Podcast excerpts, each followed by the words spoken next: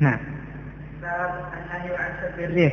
عن أبي بن كعب رضي الله عنه أن رسول الله صلى الله عليه وسلم قال لا تسبوا الريح فإذا رأيتم ما تكرهون فقولوا اللهم إنا نسألك من خير هذه من خير هذه الريح وخير ما فيها وخير ما أمرت به ونعوذ بك من شر هذه الريح وشر ما فيها وشر ما أمرت به. صححه الترمذي. باب النهي عن سب الريح. الريح مخلوق من مخلوقات الله مسخر. وهي واحدة الرياح يجريها الله جل وعلا كما يشاء وهي لا تملك شيئا. كالدهر لا يملك شيئا ولا يدبر أمرا. فسب الريح كسب الدهر. يرجع في الحقيقة إلى أذية الله جل وعلا لأن الله هو الذي يصرف الريح كيف يشاء. يأتي بالريح بأمر مكروه فيذكر العباد بالتوبة والإنابة ويذكر العباد بمعرفة قدرته عليهم وأنه لا غنى لهم عنه جل وعلا طرفة عين. ويأتي بالريح فيجعلها رياحا فيسخرها جل وعلا لما فيه مصلحة العباد. فالريح إذن لا تملك شيئا. فهذا الباب عقده لبيان تحريم سب الريح كما عقد ما قبله لبيان أن سب الدهر لا يجوز ومحرم لأنه أذية لله جل وعلا. وهذا الباب من جنس ذاك لكن هذا يكثر وقوعه فأفرده لكثرة وقوعه وللحاجة إلى التنبيه عليه. قال باب النهي عن سب الريح النهي للتحريم وسب الريح يكون بشتمها أو بلعنها. وكما ذكرنا لكم في باب الدهر ليس من سبها أن توصف بالشدة كقول الله جل وعلا ريح صرصر عاتية سخرها عليهم سبع ليال وثمانية أيام حسوما. ريح صرصر عاتية هذا وصف لها ووصفها بالشدة أو وصفها بالأوصاف التي يكون فيها شر على من أتت عليه كقوله ما تذر من شيء أتت عليه إلا جعلته كالرميم ليس هذا من المنهيان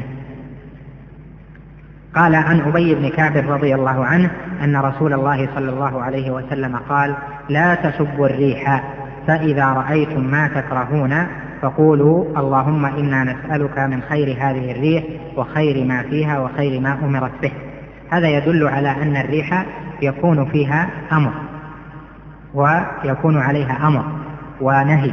والله جل وعلا يرسل الرياح كيف يشاء ويصرفها أيضا جل وعلا عمن يشاء. فهي مسخرة بأمره جل وعلا. والملائكة هي التي تصرف الريح في أمره جل وعلا. فللريح ملائكة تصرفها كيف شاء ربنا جل وعلا وتقدس وتعاظم. فيها خير وقد يكون فيها عذاب. ولهذا قال عليه الصلاة والسلام إذا رأيتم ما تكرهون فقولوا. فأرشدهم إلى القول الآتي. وما يكرهون قد يكون من جهة صفة الريح وقد يكون من جهة لون الريح يعني صفتها من جهة السرعة أو الاتجاه وقد يكون من جهة لونها وقد يكون من جهة أثرها. والنبي عليه الصلاة والسلام كان إذا رأى شيئا في السماء أقبل وأدبر ودخل وخرج ورؤي ذلك في وجهه حتى تمطر السماء فيسر عنه ويسر عليه الصلاة والسلام. قالت له عائشة يا رسول الله لم ذاك؟ قال ألم تسمعي لقول أولئك؟ أو كما قال عليه الصلاة والسلام فلما رأوه عارضا مستقبل أوديتهم قالوا هذا عارض ممطرنا بل هو ما استعجلتم به ريح فيها عذاب أليم تدمر كل شيء بأمر ربها. فإذا الخوف من الله جل جلاله إذا ظهرت هذه الحوادث أو التغيرات في السماء أو في الأرض واجب. والله جل وعلا يتعرف إلى عباده بالرخاء كما أنه يتعرف إلى عباده بالشدة حتى يعرفوا ويعلموا ربوبيته وقهره وجبروته ويعلموا حلمه وتودده ورحمته أيضا لعباده. فإذا إذا رأى العبد ما يكره ضرع إلى الله واستغاث بالله وسأل الله بقوله اللهم إنا نسألك من خير هذه الريح وخير ما فيها وخير ما أمرت به ونعوذ بك من شر هذه الريح وشر ما فيها وشر ما أمرت به. صححه الترمذي. بهذا نكون قد أخذنا هذا اليوم تسعة أبواب ويبقى عندنا تسعة أبواب نكملها غدا إن شاء الله وبها تمام الكتاب. أسأل الله جل وعلا أن يجعلكم مباركين وأن ينفع بكم وبما تعلمتم وأن يجعلنا وإياكم من ورثة جنة النعيم وأن يغفر لنا ذنوبنا وإسرافنا في أمرنا وأن يجعل وسيلتنا التوحيد وأن يجعل وسيلتنا إليه الإخلاص.